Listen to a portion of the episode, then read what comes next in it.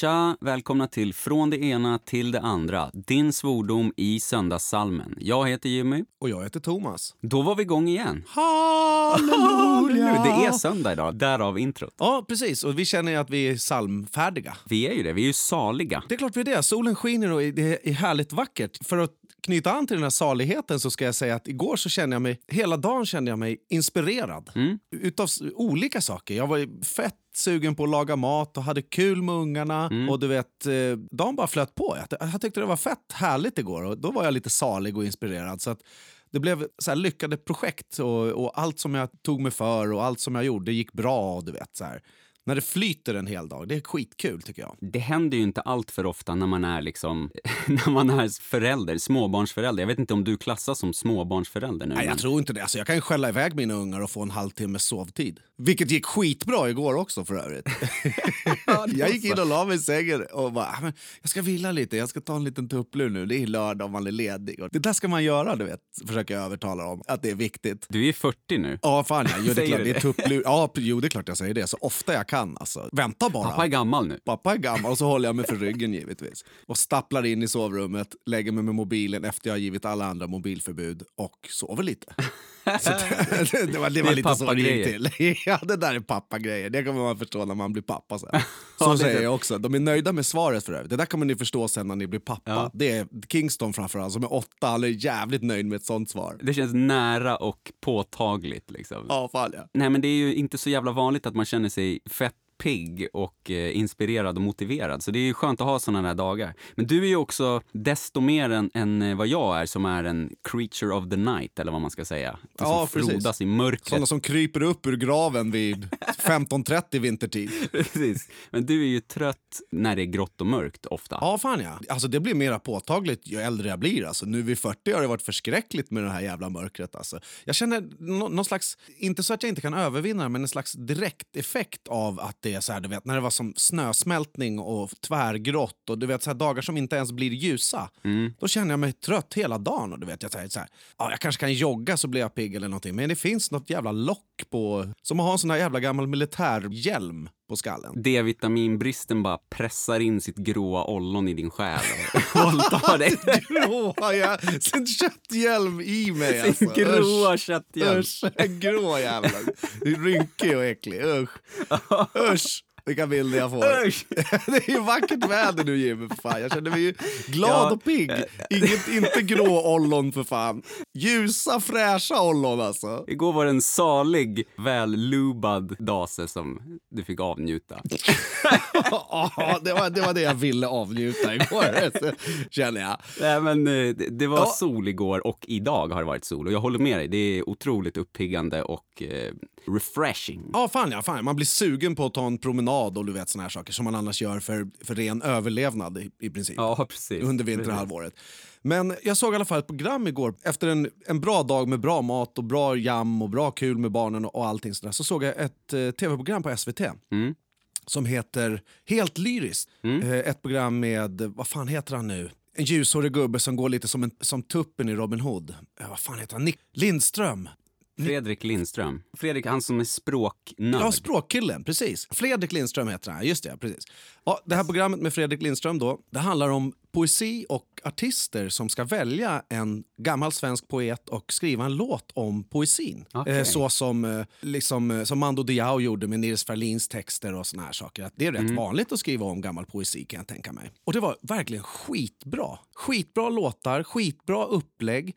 Det var en historielektion och man fick liksom se arbetet lite grann i studior eller hur liksom folk arbetade fram låtar. En Lisa Nilsson satt i sitt kök och, och du vet så här. Det var skitinspirerande och då kom jag att tänka på en eh, människa som följer oss som heter Innerliga Alvan, kallar hon sig själv på Instagram. Hon skriver fett med poesi. Ja, skitduktig. Ja, hon är skitduktig, precis. Och, men det som jag kommer på nu, när, liksom, igår var det sån himla lyrik och, och, och de pratade mycket om att det passar bra ihop med musik, vissa poeters sätt att skriva och såna här saker. Och jag har just till den här Annelis poesi faktiskt suttit och försökt sjunga och göra några låtar utav det hon har skrivit.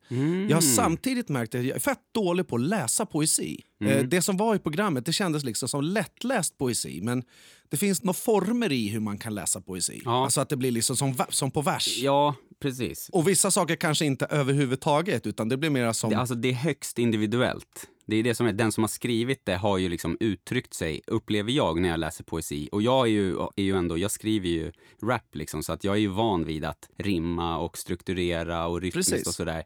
Och ibland är det svårt för mig också, eller ganska ofta. Så att jag förstår precis vad du menar. Ja, precis. Och, och jag har liksom försökt och spelat några låtar och sjungit till just hennes poesi. För vissa av de grejerna hon skriver är verkligen skitbra. Hon, är, hon verkligen harvar på. Hon, jag vet inte fan hur många dikter som hon släpper i veckan. eller någonting. Hon kommer upp i mitt flöde hela tiden och det bara flyter på. liksom. Verkligen produktiv och kommer ut skitmycket från hennes håll. Eh, vilket inspirerar mig också. Så att, det tänkte jag på igår efter det här programmet med att bli inspirerad av det som de gjorde. Så känner jag mig också sugen på att göra det själv. Så jag, jag ska börja läsa lite mer poesi nu har jag tänkt på vårkanten. Mm. Det låter skitbra och jag rekommenderar att eh, om ni gillar poesi och om ni vill bli inspirerade av känslor uttryckta med ord, som är verkligen hennes grej, så hon heter innerliga understreck alvan på Instagram. Ja, precis. Skitduktig. Ja, faktiskt. Men det var kul för att senast som jag satt och gjorde ett försök för det här då, det som jag inte riktigt får till det är till exempel om man ska, det finns liksom olika takter man kan följa och då måste man få in orden i de här takterna för att inte överbrygga till en annan takt så att det blir liksom i ofas ord och själva strukturen på låten. Alltså för att förenkla det som fan, det är ju som, man, som en raplåt till exempel. Och om man ser det som då, för att återkoppla till eh, Insta-story som du la för någon vecka sedan med Latin Kings förra veckan. Där är det väldigt basalt, lite så här, liksom som det här, eh, vad fan det här gamla, rosor är röda, violer är blå.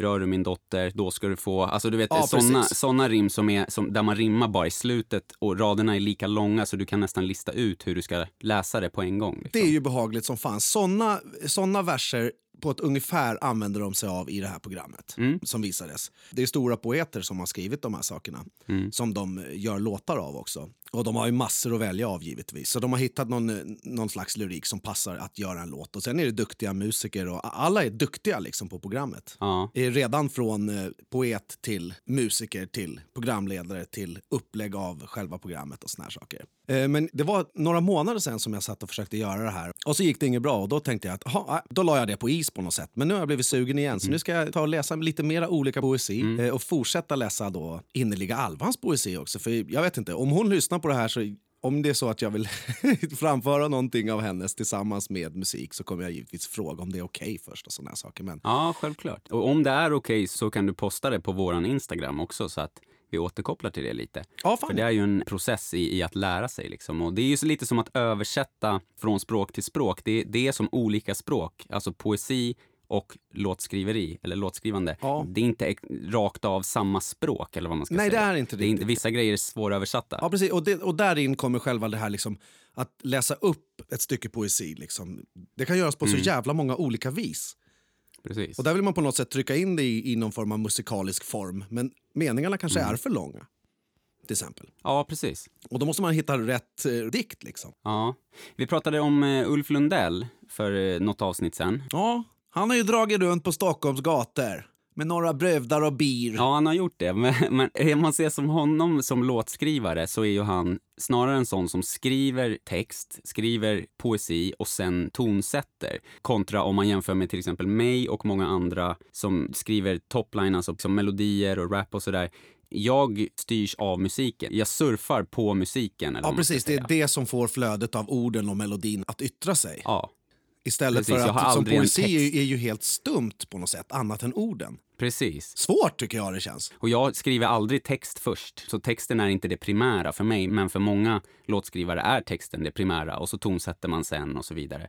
Så det är jävligt häftigt att det kan vara så olika uttryck. Precis, Ehm, Ulf Lundell han verkar ju vara, han musicerar i sitt författande. Ja, Som båda två är unisont liksom. ja, verkligen. Hans språk är i text. Och det, apropå den här dokumentären då, Friheten och ensamheten, i två delar på SVT, så pratade vi om i eh, avsnittet Mardrömsjulen. Bra dokumentär. Den var skitbra, verkligen. Jag har aldrig lyssnat på Ulf Lundell. Inte jag heller. Jag tilltalas fortfarande inte av hans musik, men han är skitduktig på att uttrycka sig i text. Och i den dokumentären så säger han också att när han sätter sig där och ska bli intervjuad, bara, "Ah, det känns lite jobbigt, va? det här är inte liksom mitt uttryck, alltså att Är prata. han lite blyg? Ja, nästan. Jag blev också imponerad utav det, Mm. måste jag säga. Sen, Du tog ju upp det och då hade jag sett eh, reklam för dokumentären. Då hade du sett första delen och sen såg jag båda delarna på grund av det. Ja, Eh, och sen så pratade vi också om mål och sådär. Och då sa du att du skulle läsa hans bok Jack och sådär. Och, och, Ja, den håller jag på med. Ja, jag blev inspirerad av det också. Så det är som vi pratade om i det avsnittet där i slutet, att plocka en nypa här, en nypa där från vad som helst som man inspireras av och influeras av. Det är jävligt bra, tror jag. Ja, fan ja, det tror jag med. Och sen uttrycka det genom sig själv. Ja, precis. Använda det till sin fördel på något sätt. Låta sig inspireras av saker och ting. Det man kan göra där är att så fort man blir lite imponerad, då kan man dyka in i det, tänker jag, som Mm. en metod. På något sätt har man i alla fall testat att få med sig någonting utav det här. Precis. Som jag, ja, jag känner nu att du vill jag lä- läsa lite mer poesi och så vill jag göra en låt som är, är ifrån en gammal dikt.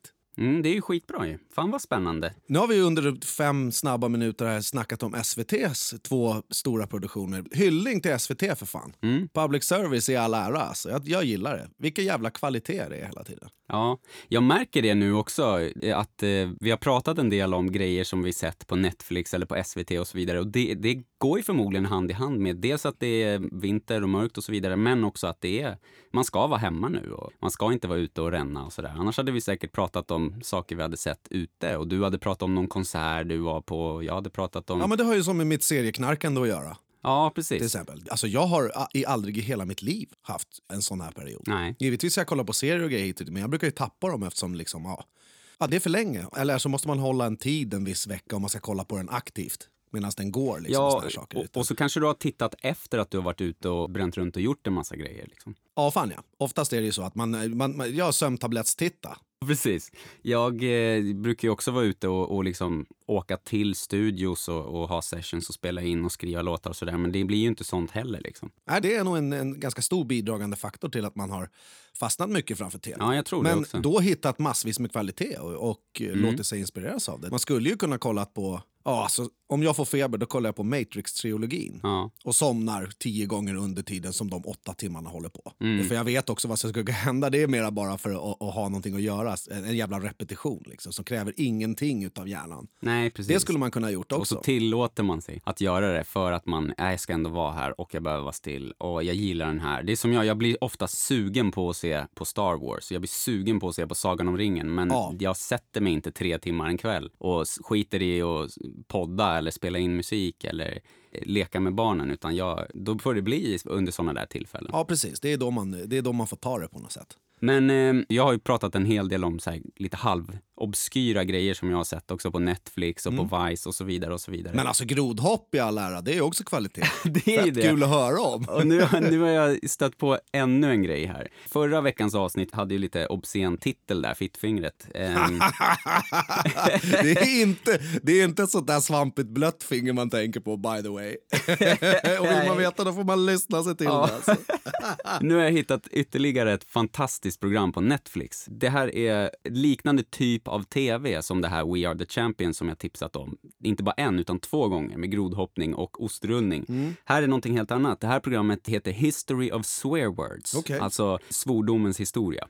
Eh, och det är med Nicolas Cage, skådespelaren. Han leder det här programmet och så är det en del olika profiler då. Väldigt varierat, liksom skådespelare och eh, andra människor och karaktärer från nöjesbranschen som djupdyker då i en svordom per avsnitt. Okej. Och det är ju liksom fuck och det är shit och så vidare. Det är som våra teckenspråkskunskaper ungefär. Ja, men ungefär. det är fuck och shit och rock'n'roll. Men eh, det som var fascinerande då, det var ju att, alltså det här är ju bara nöjes-tv. Det är liksom slötitta, det är som någon MTV-grejer. Men det som var fascinerande då, det var ju grejerna som kom fram i det här programmet då, som jag liksom vart lite fascinerad över och började att fundera kring med svordomar.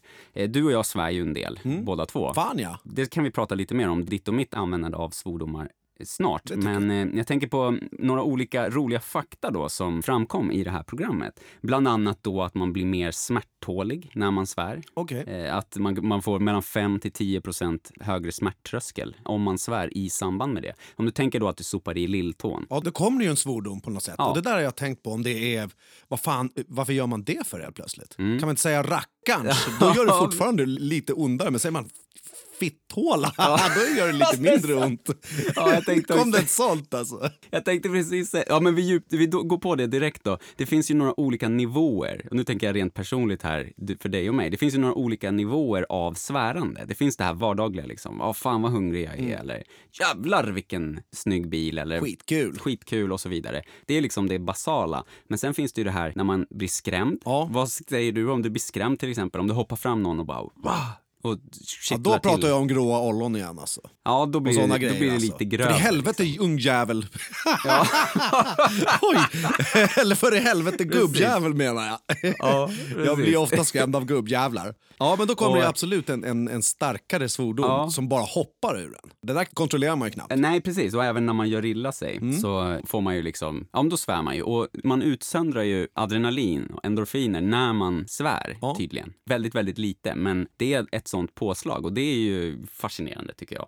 Givetvis. Man blir både mer smärttålig, man blir starkare. Så att om man svär när man ska till exempel rulla en stor jävla sten eller... Jag försökte komma på något som du skulle kunna tänkas göra. Då tänkte jag direkt rulla en stor jävla sten. Ja, som ni vet så jag är en grottmänniska och jag rullar runt en. stenar för det mesta. livet blir lite enklare, kom de fram till då också, alltså och roligare, typ som att man, man svär för att liksom lyfta fokus från att man har haft en skitdag eller Ja. liknande. De här grejerna är vetenskapligt bevisade. Det är också en jävligt luddig term tycker jag, vetenskapligt bevisade. Då är det någon som har forskat på det och testat då eller liksom. Det är precis till vetenskapligt bevisat som jag tänker ta det här vidare. Men prata färdigt bara. Ja, illustrerad vetenskap gillar du ju. Det är den jag ska prata om som jag har läst idag och lärt mig en sak. Ja, bra. De har ju då också gjort artiklar om det här givetvis. Och den vanligaste grejen som folk brukar säga då, det kan ju ofta vara för att försvara att man svär mycket själv, men det är att ju intelligentare du är, desto större ordförråd har du. Och eh, intelligenta människor tenderar att svära mer än andra. Ja, fan. Ja, fan.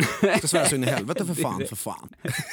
En annan sak som var fascinerande, det är att det finns språk som knappt har svordomar. Bland annat japanskan då. Okej. De har inte såna här grova svordomar, men de har motsvarande då, som till exempel järnspikar och så vidare. Eh, och de har liksom ord för att uttrycka det sexuellt expletiva liksom och ehm, även alltså skit och bajs och sånt. De har motsvarande Ja, ord. fan ja. Alltså, apropå japansk sexualitet så är de här tavlorna med japanska jättelod som bara penetrerar småflickor och grejer, de ser ju vulgära ut så in i helvete. Ja, verkligen. Men då måste det vara någonting att de skyddar sig bakom att det är konst då, på något sätt. Ja, konstig konst tycker jag. Jag tycker att de ser vidriga ut, de där jävla pittar som är stora som ben bara. Ja. Och kvinnor som lider under dem. Medan män som står där som om det vore samurajsvärd och spetsar dem.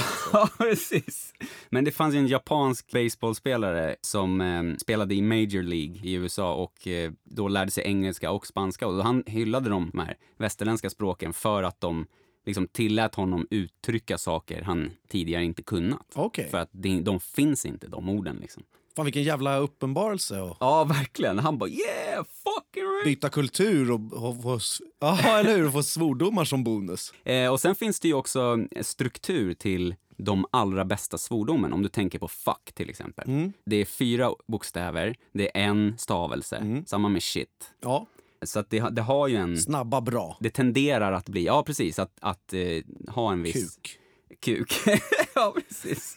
Bara. Få stavelser och det är en gemensam nämnare i flera språk då, tydligen. Okej. Så coolt. Det var så jag tänkte på det lite grann, det här med att när man slår sig hårt så svär man ett, en grövre svordom. Om man tänker så här att ja, vi har bott i någon jävla grotta, inte bara jag som gör det utan hela mänskligheten har någon gång gjort det. Och så har man då haft hot som, som tigrar och andra jävla grottmänniskor och grejer. Och då kanske de här sakerna har tätt sig som ljud bara. Ja. Att man slår sig en gång och då säger man kuk eh, och utav det så är man också förberedd att kanske slå sig två gånger eller tre gånger eller rent av hamna i ett slagsmål. Precis. Så att det här kanske är någonting för att hjälpa till och trigga försvaret Mm. i att få lite mer adrenalin och bli lite mer pushad. Mm. Och, Förmodligen. alltså som, eh, som ett gammalt arv vi har haft i evolutionen på något sätt. Ja. Känns det lite som. Precis, och nu när man tänker efter, alltså både du och jag har ju varit i ett slagsmål eller två i våra dagar och det blir ju på något sätt, får man ju adrenalinpåslag av själva fighten, att det blir en hotfull situation. Precis som om man, det sker en olycka eller man blir väldigt rädd eller så. Men ofta så kan det ju vara så att man... Även om man inte uttalar svordomarna Ja, så kan det vara... Och redan innan slagsmålet är igång så flyger det ju svordomar och grejer också. Precis. I någon form av uppladdning, i puttande och dragande och din jävel och du vet såna här saker. Exakt. Där Så- kommer det ju fula ord också. Ja, det kanske är någon typ av uppladdning. Det här är ju bara reflektioner och spekulationer, men fascinerande är det. Och sen en annan Men vi är ju då. hobbyvetenskapsmän. Ja, vi, vi är ju det. det bara, verkligen. vi läser ju illustrerat för fan. Ja, det är för fan. någon rolig fakta här. Så, vet, ordet för eh, tupp på engelska, det är ju cock. Alltså sa- C-O-C-K, precis som kuk då Ja. på engelska. Och eh, de uppfann ordet rooster, alltså som är, nu är det vanliga ordet för tupp, för att slippa säga cock. För att det också betyder kuk sen efter ett tag då. Ja. Så att det började bli liksom jobbigt när de pratade om det. Därför uppfann de ordet rooster. Det är som en liten höna, också kallas för pulla. Men Och, du vet, kärt barn har många namn Pulla! på något sätt. det vill man inte. Man kan också döpa folk till Dick. Ja, precis. Och det var ett av orden i den här History of Swear Words på Netflix. Det var Dick. Och då var det ofta att det kom från Richard. Och så var det ofta ett rim. Som till exempel Richard, det blev Rick. Och då rimmar man Dick. Och därför är Ja, Dick fan, ja. smeknamnet då. För att det var någon sorts lite roligt, lite rim och sådär. Så. Mm, smeknamn har ju jag- alla möjliga konstiga vägar att ta form faktiskt. Det har vi ju märkt. Ja, verkligen. Intressant. Det finns också en eh, svordoms... Vad säger man? Inte sjukdom riktigt, men en, en, en funktionsnedsättning som finns, det är ju Tourettes syndrom. Ja. Som många säkert känner till. Den är fett varierad, den kan ju te sig bara som ljud också. Ja, precis. Och tics, kroppsliga tics, att man rycker med axlarna Mm. eller sparkar med benet eller vad som helst. Men ofta, det som man ser oftast då, det är ju att folk skriker liksom fucking shit, fucking ass, tit, bitch. Och alltså sådana riktigt Ja, fan, grova ja. grejer. Och ofta också... Någon form av svärspasm. Ja, precis. Och jag har sett dokumentärer om det här flera gånger. Vi har ju också givetvis jobbat kring den här problematiken i vårt yrke och så. Mm. Men det är aldrig så extremt som det är på tv eller på, på Youtube och sådär. Men jag har sett Nej, dokumentärer inte. där de liksom också säger, det är ofta rasistiska grejer om de är, om det är till exempel en vit tonåring då, en, en pojke som Mm. har det här, kan ju säga rasistiska grejer när han kommer runt människor från- av annan etnicitet. Ja, det, är, det är en eller- trigger för någonting riktigt eh, hårt nästan jämt. Ja, precis. Och det är ju en bristande impulskontroll och, och tics. Och då ter det sig ofta på det sättet. Då. Precis som om man tänker då att en, en unge som har ADHD har svårare att uppföra sig inne i klassrummet där pressen är större. Så Ja. jag tror att det där går hand i hand. Och jag såg någon som gick förbi när de var i New York och så besökte de så här minnesplatsen vid, vid Twin Towers. Ja, ground zero. Då gick han och så 9-11, 9-11 gick han och skrek då liksom, tvångsmässigt. Ja. Den delen av det som gör att man svär, för att det är ju vissa som graviterar mot det, liksom, att svära och säga Mm. hädelser, den kallas för coprolalia, det är, en, det är latin då liksom. Det är benämningen för, för just den typen av. Svordoms eh, Tourettes. Ja, precis. Nej, det är fascinerande med svordomar. Vilka är dina favoritsvordomar? Alltså, om man tänker till vardags så, så säger man ju fan, jävlar, helvete ungefär så här. Men har du någon, någon egen komponerad eller någon avancerad som du brukar dra någon gång? Nej, jag använder dem nog ganska mycket för, eh, för flyt i samtalet och för att fylla i liksom, eh, poäng i mina Ja. meningar på något sätt. Men det är ju jävlar mest som händer. Mm. Eh, alltså om jag slår mig eller sågar mig eller när jag välter runt stenar och klämmer mig och skit. Jävlar, jävlar! Ja, Mm. och du precis. vet, eh, jag blir lite lack och lite tänd av dem. Mm. Och det är, det är ofta jävlar. Det var som när jag slog i den här jävla hanten och pajade tån där. Ja. Då sa jag nog en, ett par fula grejer, men då hade jag så jävla ont så det blixtrade i skallen så att eh, jag bara vet att jag, jag bara väste och häste. men Ja. ingen favoritsvordom eh, sådär riktigt som Nej. jag kommer på. Jag säger fuck en del för jag tycker det funkar bra också. Fuck. Apropå nu när det snackar om... Ja, Med hårt fuck, K. Det funkar, jät, ja, jättebra på svenska funkar det också. ja. Alltså, eller, ja, det är inte så att jag använder det så som om det är svenska utan det är bara att själva svordomen är rätt optimal. Den funkar i jättemånga tillfällen. Alltså jag säger hellre fuck än kuk. Till exempel. Ja, jag håller med. Och varken du eller jag är ju, alltså vi är inte så här, ni får ursäkta nu om det blir mycket, mycket fula ord, men jag använder inte ordet kuk eller fitta för att prata om könet. Jag brukar inte göra det liksom, Nej. utan jag, då använder jag Inte något jag. mildare. Men jag har upptäckt att jag säger fittkuk ibland när jag slår i eller liksom gör illa mig eller blir rädd eller någonting, av ren eh, reflex. Ja, men då liksom. kommer den där lite triggade orden på något Men sätt. jag, jag, alltså jag har ju någon typ av Tourettes tendenser också. Alltså i att jag säger grejer bara. Inte svordomar, utan att jag bara... Ja, det kommer en liten, en liten en munprutt. Eller hur? Ja, det gör det absolut. Det är fett kul Ja, det tycker jag. vi är fett kul. och fula jul alltså. kul tycker jag. Ja, Alltså. och då blir det ju ofta att när jag slår mig eller blir skrämd eller, eller något sånt där, då, då kan det ofta bli att jag säger någonting fult. Men oftast är det liksom helvetes jävla skit eller du vet något sånt. Så att, eh, Mm. Jag vet ju liksom, både du och jag, vi svär ju inte liksom hela tiden okontrollerat. Men jag har det i mitt språk. Ja. Jag svär mycket och jag svär gärna och ofta. Jag vill tänka att jag inte gör det så mycket. Jag gör det nog mer än jag tror, men ja, i och med min yrkesroll, där på något sätt kontrollerar man svordomarna. Ja, Och eh, det är väl nog det som jag har...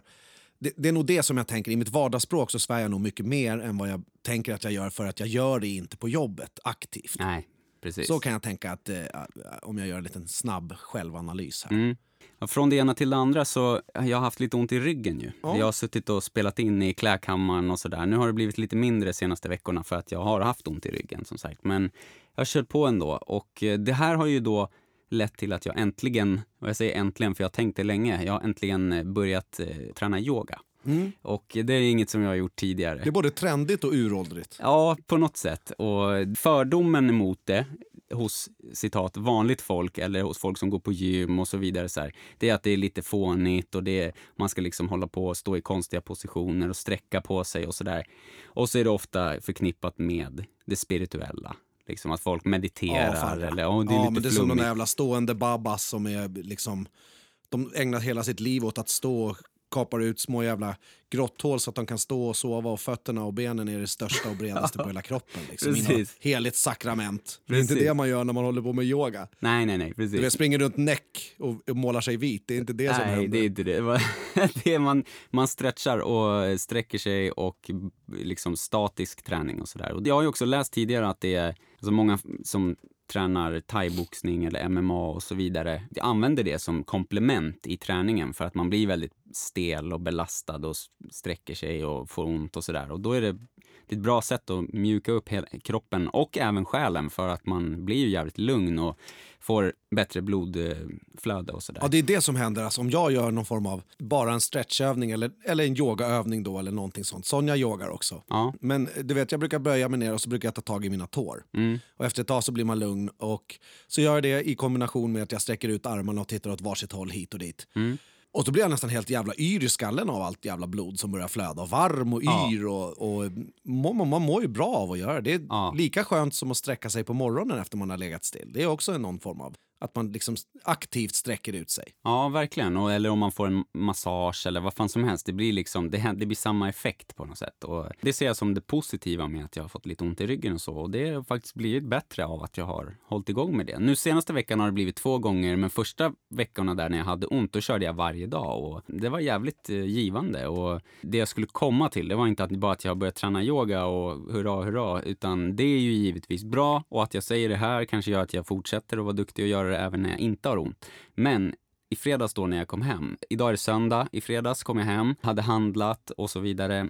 Och så gick Malin ut på en promenad och det var en stund innan vi skulle börja med mat och så. Så då kommer Callie fram, min treåriga dotter, och säger vi ska göra så här. Och så ställer hon sig med händerna ihop och så så börjar hon andas här och blunda. Och, drar hon den där. Ja, och då, och då så säger jag, jaha, vill du köra yoga? Ja, du, du ska göra och så visar du mig och så gör jag likadant. Så då tänkte jag, ja men jag kör nu, för det var ju skitbra liksom, avslut på veckan och sådär, lite stel efter dagen och så. Så då började vi köra och eh, hon håller ju positionerna då i ungefär 1,2 sekunder och sen så är det dags Ja, att det var det jag kunde tänka mig. ja, Ja, det går fort, det är mer som, som jumping. Ja, precis. Och så hetsa på utav helvete. Och hon har ju nu, alltså nu är det ju alltså fullskalig treårstrots. Ja, Så hon är ju... det är alltså, hon- vidrigt ju. Nej fungerar ju för fan inte ens på dem då. Nej, ingenting fungerar. Och, alltså, det fungerar inte ens att stryka, att stryka medhårs för att hon är just nu i den fasen. För er som inte har barn, eh, ni som har barn vet jag kan relatera, men ni som inte har barn, alltså när, det, fin- det är olika perioder i barns liv då man liksom skjutsas fram i utvecklingen på något sätt. Och man testar, man testar att bestämma, man testar att ta ut svängarna psykologiskt och man testar att manipulera lite smått och sådär. Och det är väl typ vid tre år, vid sex år, vid nio år så är det känslomässigt och så vidare och så vidare. Eh, och Mm. i treårsåldern, man kallar det för treårstrotsen, och den, det är alltså, det är ju som att barnet blir förbytt på många sätt. Alltså det är liksom... Ja, fan ja. Hon är, för att beskriva nu vad hon är, hon är i den fasen nu att hon kan säga jag är hungrig. Och så bara okej, och vad vill du ha då? Ja, jag vill ha det och det och det och håller på och ska bestämma. Och så, ja men du käkade ju nyss här och det var inte så länge sedan. Jag är hungrig. Och så fixar man någonting eller gör någon mellis eller någonting och så tar man fram det och så säger hon men jag är inte hungrig. Nej, precis. Direkt bara och blir liksom arg för att Ja, man har fan, och då, fram. och det, det kan ju vara så att hon är hungrig, Ja, precis. Men så säger men hon ändå nej. säger nej, jag är inte hungrig. Ja, och det här är ju, Mm. det tar ju väldigt många former som till exempel då, hon, vi har ju, ja, inte pottränat för hon går på toaletten så vi har ingen potta nu då, det är tredje barnet och så liksom. Men hon, hon vill gå på toa och slutgiltiga steget nu då i den här träningen då, det var ju att hon fick trosor, ett stort pack med eh, prinsessor på. Och då var det liksom att, ja men nu, för tidigare, Mm. bra ja, och tidigare har hon haft blöja men sagt till så har vi gått på toa. Eh, och hon har bajsat i toa länge och så, men nu även kissa och så. Och då vill hon ju även vara utan blöja på natten eh, och så. Och det gör ju att man måste ju gå till toan så fort hon säger att hon är kissnödig. För hon säger ju till, jag måste kissa! Och då är det fett bråttom liksom. Ja, fan ja. För barn bara leker ju och sen kommer de på, oj, nu håller jag på att pissa på mig.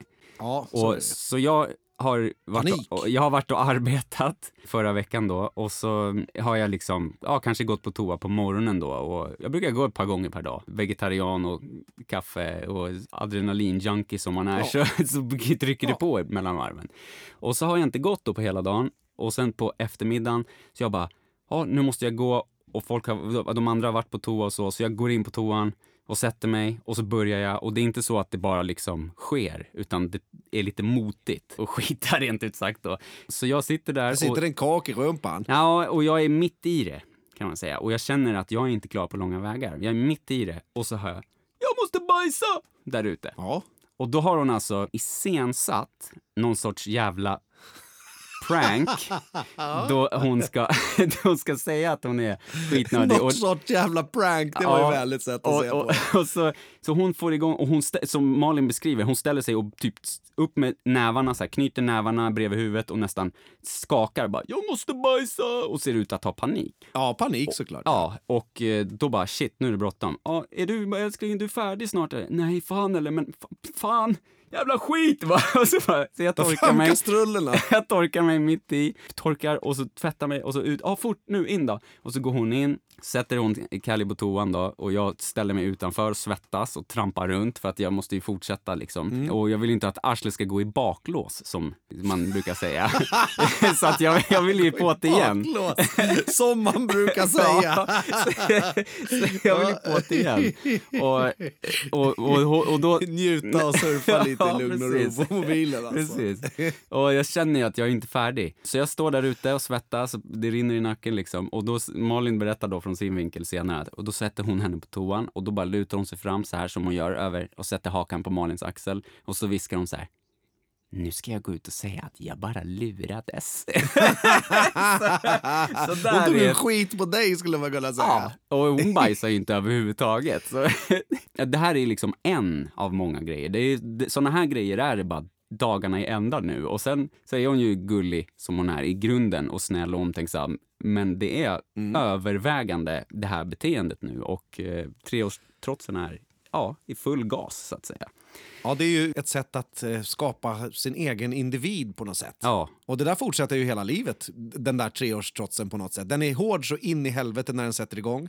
Och så får, får man som människa liksom lite reson på den efter ett tag. ja, Att man utvecklas vidare och får andra intressen och såna här saker. Men att hela tiden slå uppåt lite grann och kontrollera situationen. Typiskt mänskligt, men den är aldrig så påtaglig. Alltså den är på någon jävla Napoleon-nivå i tre år. Ja, och de trycker ju på de här grejerna som är... Det går liksom inte att kontrollera. För att fan, Hon kan ju inte säga till henne där då, nej du får vänta nu för att pappa bajsar. Alltså, det går ju inte. Hon, hon, måste, få, hon måste få gå före. Skit på dig unge! Och så hörde jag att hon bara, ja men ska vi ta blöja? Och då tänker jag så här, fan hon ska inte behöva skita i blöjan och det blir jobbigt och grejer nu när hon är så duktig och går på toa liksom. Ja, nej, det blir som ett litet bakslag. Ja. Så att jag fick liksom helt enkelt kapa lakritsen och eh, gå ut och svettas i hallen ett tag. Helt enkelt. jag, jag, jag, jag måste gå tillbaka till att du sa, och så vankade jag runt där och det rann i nacken. Ja, svetten bara rann alltså.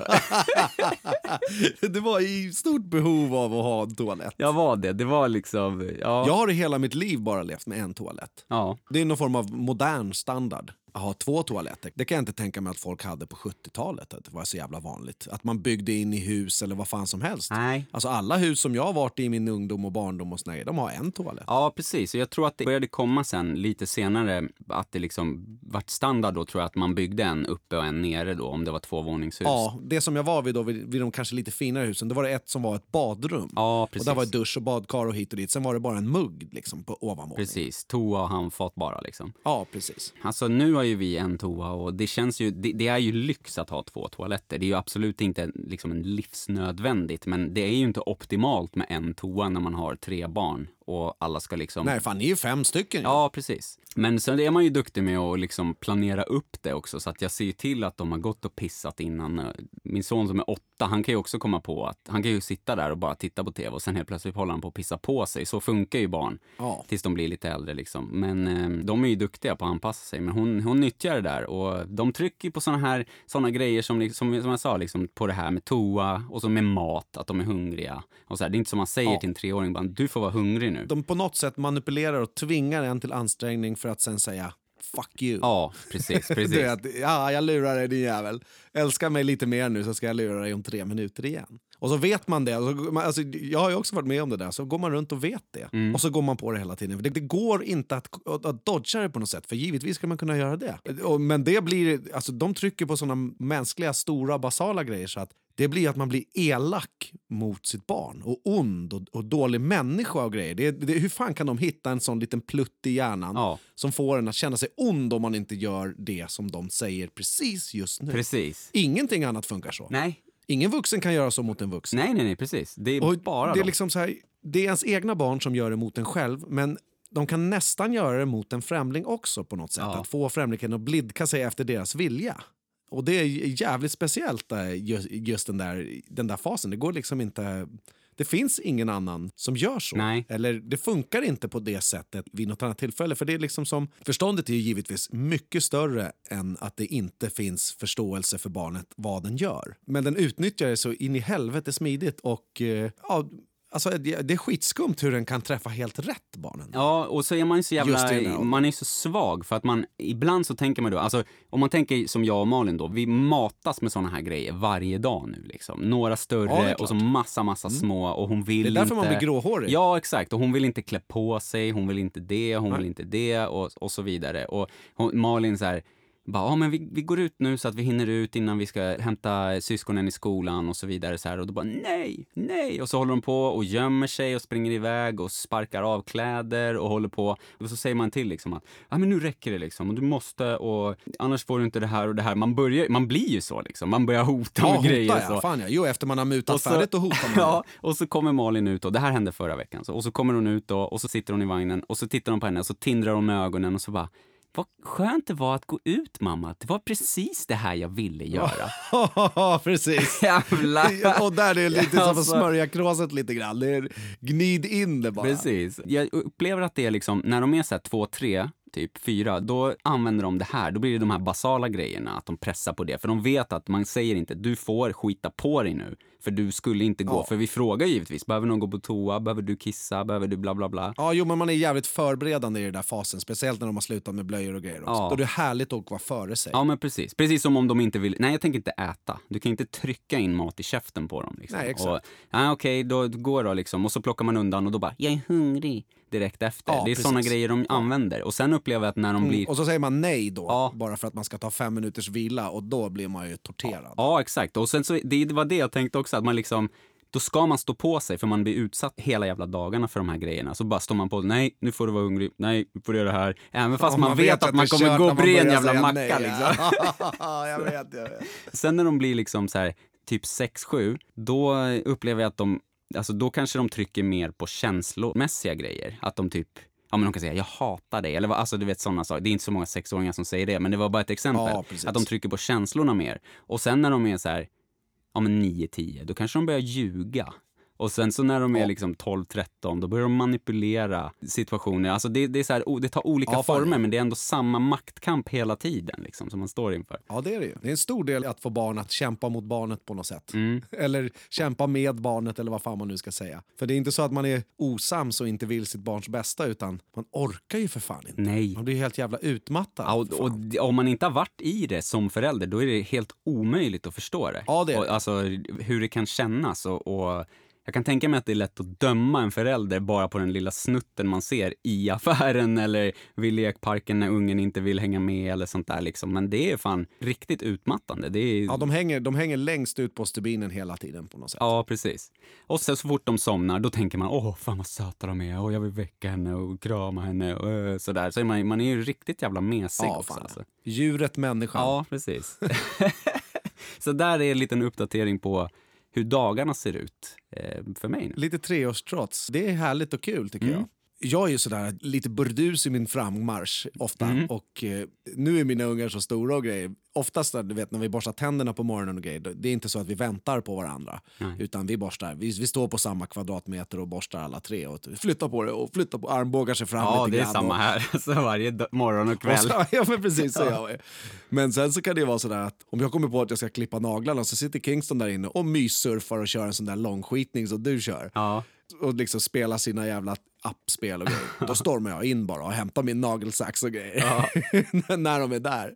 Så det har de liksom vant sig vid. Det är något som jag har vant mig vid också Ja. på något sätt. För på min barndomstoalett, det, det fanns inget lås. Nej. Utan det är en jävla hundraårig gammal bagarstuga. Så det var aldrig någon tanke på att ha ett lås där. eller något. Är dörren stängd så är någon där inne. Det var ju typ regel. mm. Som något jävla utedass-vibe på något sätt. ja, Men det har alltid när jag har varit på toa i hela mitt liv så har det stormats in och ut med folk. Ja. när man duschar och när man är, du vet så här saker. Så att en toa har inte varit ett hinder riktigt annat än när man, när man krockar i nödighetens lag. Nej, men precis. Men det där är nog väldigt olika också från familj till familj. Antingen är det väldigt noga med att det ska respekteras och nästan som att man ska liksom, man ska nästan så här gömma sig när man uträttar sina behov och, och då ska alla andra bara låtsas som att man inte vet vad personen gör. Va? Jag behöver lite privatliv. Ja, fan, ja, här är det absolut, liksom. absolut. Går man ut från toan här, då går det in någon efter och bara Åh, fan vad det luktar skit! liksom, och det Precis spelar så. ingen... Ofta är jag den där som skriker att det luktar skit. Ja. Alltså. Uff, uff, uff, gnäller lite. Ja, precis. Det här är kul. Ja, fan ja. Jag menar, om, man- om man drar det till romarna som sa att män och kvinnor på rad och sket i kors och snackar nyheter. Mm. Rätt trevlig situation. Mm. Annat än att det stank, men då på den tiden så stank det väl lite hit och dit kan man tänka sig. Ja, fan, då så, ja, precis. Och då satt de inte och pratade om några Netflix-program med svordomar eller poesi. Då var det, ja, Vad tycker du om Julius Caesars fina lockar? De var fina i morse. vad var det på avrättningen i söndags? Satan vad huvudet Ja, rullade. precis. Jag har köpt en hel påse med småsten. ja, men du vet sådana där saker. Eh, Livet är fantastiskt och härligt och jävligt varierat.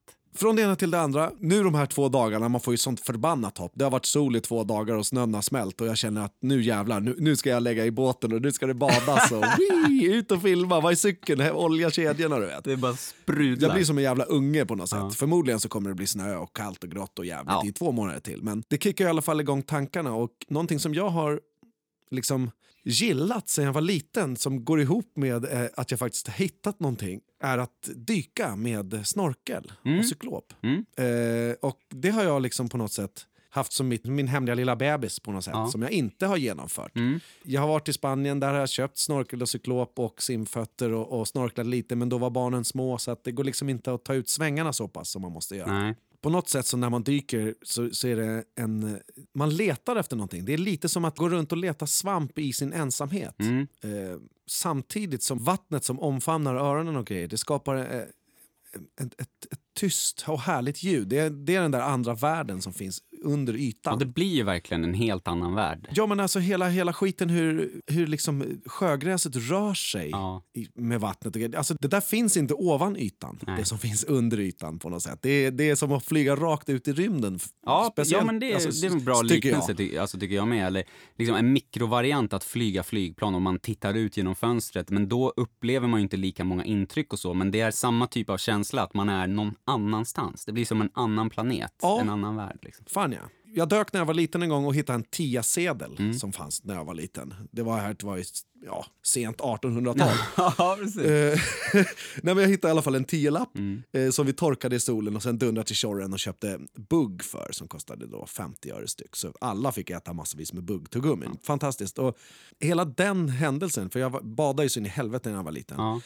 Jag kommer ihåg den exakt så som den var, även fast man egentligen inte gör det. För minnet funkar inte riktigt så. Men den där har jag haft med mig som en dröm som jag nu har gjort till ett mål. Och jag- kommer att eh, börja dyka och jag, jag vill göra det liksom Apropå de här soliga dagarna, så vill, jag är så jävla sugen på det så jag vill göra det nu. Mm. Eh, jag är samtidigt en frusen och, och spenig jävla man så att jag fryser ju så in i helvete. Så att jag har kollat på massvis med olika alternativ med våtdräkter och torrdräkter och för att hålla sig varm och Mm. behöver man tyngder för att sjunka tillräckligt. Har jag tyngder och dyker fett och fastnar, vad fan gör jag då om jag är själv och såna här saker? Jag har funderat en hel del på de här prylarna, men jag vill ändå sätta igång med det här så tidigt som möjligt för att ju längre in på sommaren det går, ju, ju mera alger och skit blir det i vattnet, så ju mindre ser man. ja, just det. Eh, om man går ner till vattenkanten nu, då är det helt tvärklart. Mm. Man ser liksom 3-4 meter rakt ner och så kan man se botten här vid havet när vi tar promenader. Så ser man liksom skitmycket grejer. Nu är det liksom gamla jävla keramikkoppar och grejer som jag ser. Men jag är assugen på att dyka och, och plocka upp de här grejerna och hitta prylar. Mm. Jag vill dyka i Norrtäljeån, jag vill dra till Fyrisån och skulle gärna hitta en granat men jag skulle inte ta den, men jag skulle gärna vilja göra det. Du vet. Jag känner mig hungrig på det. Så jag har kollat upp det här och ska börja med det så tidigt som möjligt. Så jag tänker i år, så i april, så tror jag att jag är nere i vatten. Ja. Fan vad Och spännande. dyker omkring bara. Det kan ju... För jag, ska satsa, jag ska satsa lite på det här och, och köpa en våtdräkt och jag måste ha eh, eh, våtskor måste jag ha för jag behöver något for, form av skydd på fötterna för det är de som blir iskallast fort. Ja. Och så finns det liksom cyklopmasker och grejer så man kan täcka hela nyllet om man vill. Det är en jävligt dyr hobby och jag vill, Mm. liksom inte, jag vill inte smacka ut 28 000 bara på att testa någonting. Utan jag vill göra det så jävla billigt som möjligt, frysa lite och sen se hur mycket jag faktiskt gillar det. Om det är så att jag gillar det i tanken mera än vad jag faktiskt kommer gilla det. Men så fort jag är och badar och dyker och, och grejer så tycker jag att det är häftigt och härligt. Och Mm. Hela ljudet under vatten gillar jag också. Mm. Det är fascinerande. Men eh, då, det kanske inte är en, någon dum idé, 100% allvarligt nu, att eh, börja alltså så här, köra lite kalldusch och grejer. Bara för att liksom pressa dig lite också. Det är många som kör det ju för Ja. att stärka sig. Och Och, hela den eh, tanken är ju vidrig. Ja, absolut. Och det blir inte riktigt samma, men, men det kan ändå bli en grej att man tar udden av det chockartade på något sätt. Liksom. Ja. Men, Jag har ju badat isvak en gång och det var ju så chockartat så att jag, jag, jag fick ju för fan en blackout. ja, ja. Fuff sa jag bara, det var ju så jag bara flög upp alltså, så stod jag där uppe på bryggan igen. Men eh, givetvis så kan jag stålsätta mig nu och jag är motiverad till att göra det. ja. Men eh, det kan, det kan nog vara en bra idé att, att på något sätt börja vänja sig. För det som händer är att om jag dyker i och så börjar jag frysa, då blir jag helt jävla vit om händerna och fötterna och bara, du vet, uh, jag känner hur blodet bara suger in i ryggraden för att överleva. Och på något sätt så måste jag behålla lugnet, för ju lugnare man är ju mindre tar det där. ja, På, precis. på något sätt. Som med kyla ute, kan man bara slappna av då slutar man att darra. Ja, Och sen så en våtdräkt gör ju det också att, att man håller värme. Man släpper in lite vatten så det blir skitkallt givetvis när man hoppar i. Och sen så isolerar våtdräkten vattnet mot huden ja. under tiden som man dyker. Så att, eh, jag tänker att i april så ska jag vara nere i vattnet Ja. i år. Och det, det ska vara intressant. Men det är coolt. det vill eh, jag dela med mig av. Jag tänker att jag ska uppdatera mer och mer hur, hur det är och hur det går och vad fan jag ska göra där. Men det är jävligt häftigt och, och för oss personligen så är det ju otroligt nyttigt att prata om grejerna här eftersom att vi då också, dels så, vi pratar ju om det då konkret oss emellan här, men vi spelar också in det och släpper det så att det dokumenteras. De målen vi sätter, som när jag, i årets första avsnitt så pratade vi om det, om att inte drömma så mycket utan att omvandla det till mål, precis som du sa nu. Eh, och det tror jag är Ja, jävligt precis. nyttigt. Och jag har haft som mål länge att jag, jag ska liksom börja ta hand om mig mer. Och i somras så började jag jogga regelbundet och så. Och sen så tappar jag det när lusten faller Mm. och sådär. Men det är ett av mina mål i år, att jag ska jogga och jag ska fortsätta med yoga. Eh, jogga och jogga. Och, Jogga och jogga. och göra hundra låtar. Och det kommer hjälpa mig dit. Och det här tycker jag är jävligt inspirerande också. Och sen behöver man ju inte ha 400 mål heller. nej, nej, nej. Och sen så behöver man heller inte hänga sig bara för att man inte lyckas med sina mål utan man, kan ju liksom, man må- måste på något sätt arbeta upp ångan kring dem. Det här att, att dyka det är ju bara ett lyxigt mål Ja, exakt. Men det är samtidigt... som inte går ihop med någon vidare eh, liksom, eh, hälsobenefit om man säger så. Alltså, att, att jogga det vet man, okej man får Ja. bättre kondition, bättre blodcirkulation, Ja. Eh, musklerna blir stärkta, bättre syresättning, man sover bättre. Det finns ju så i den jävla många fördelar. Ja. Så det är fånigt att inte göra det när man vet fördelarna. Ja. Ändå så pallar man inte för att man sitter rätt skönt i soffan. Ja, men exakt. Men det, Eh, men det och- och- motarbetar ju du också om du sticker ut och hoppar ner i vatten som inte är skitbehagligt. Då, du stärker dig själv psykiskt och fysiskt genom att göra det istället för att kolla på Net- Netflix. Liksom. Ja, fan, ja. jag har ju börjat stålsätta mig inför det Mm. för att jag vet att det kommer vara kallt och jag vet att det kommer vara vidrigt men jag tror att när jag är- är där på botten och, och har en minut i lungorna så, eh, så har jag min belöning. Mm. Ja.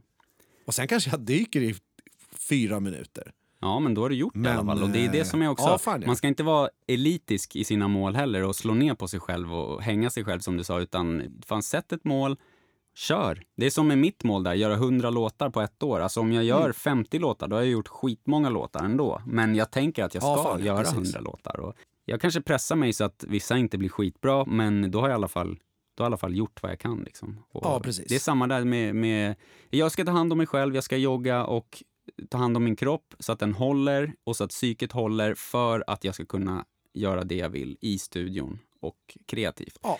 Eh, Jag tycker det här låter skitspännande och jag ser fram emot att eh, uppdateras löpande på hur fan det går. Liksom, och vad du gör Ja, om du ja. köpt Jag kanske tar med mig utrustning. kameran ner. Ja, precis. Jag tänkte det också. Det får bli en GoPro i pannan. För jävla häftigt. Nej, det är viktigt att drömma och det är viktigt att omvandla det till mål för att kunna utvecklas och pusha sig själv. Och det, det kän, jag blir inspirerad och det känns jävligt, eh, jävligt kul. Det var bra snack idag alltså. Ja, fan Verkligen. Och jag känner mig upplyft och eh, ja. Solen lyser i sinnet. motiverad. Ja, den gör det. Och den gör det även utomhus i kanske en timme till. Så fan, eh, vi tar och sätter punkt där då för veckans avsnitt och eh, skickar tusen tack till dig som lyssnar för att du lyssnar. Vi uppskattar det sjukt mycket. Ja, Skriv om ni blir inspirerade av något eller provocerade av något som vi snackar om eller om det är något annat ni tänker på. Skriv gärna till oss om ni har satt några mål och inspirera oss för att eh, vi tycker det är skitkul att höra. Ja, fan vi eh, nås bäst på våran Instagram, från det ena till det andra, eller Facebook, från det ena till det andra med Jimmy och Thomas. Vi eh, säger så och så hörs vi nästa måndag. Eh, vilken tid? Jag glömmer bort. klockan sex Ja, i vanlig ordning. God morgon. god morgon. Tja! Tja!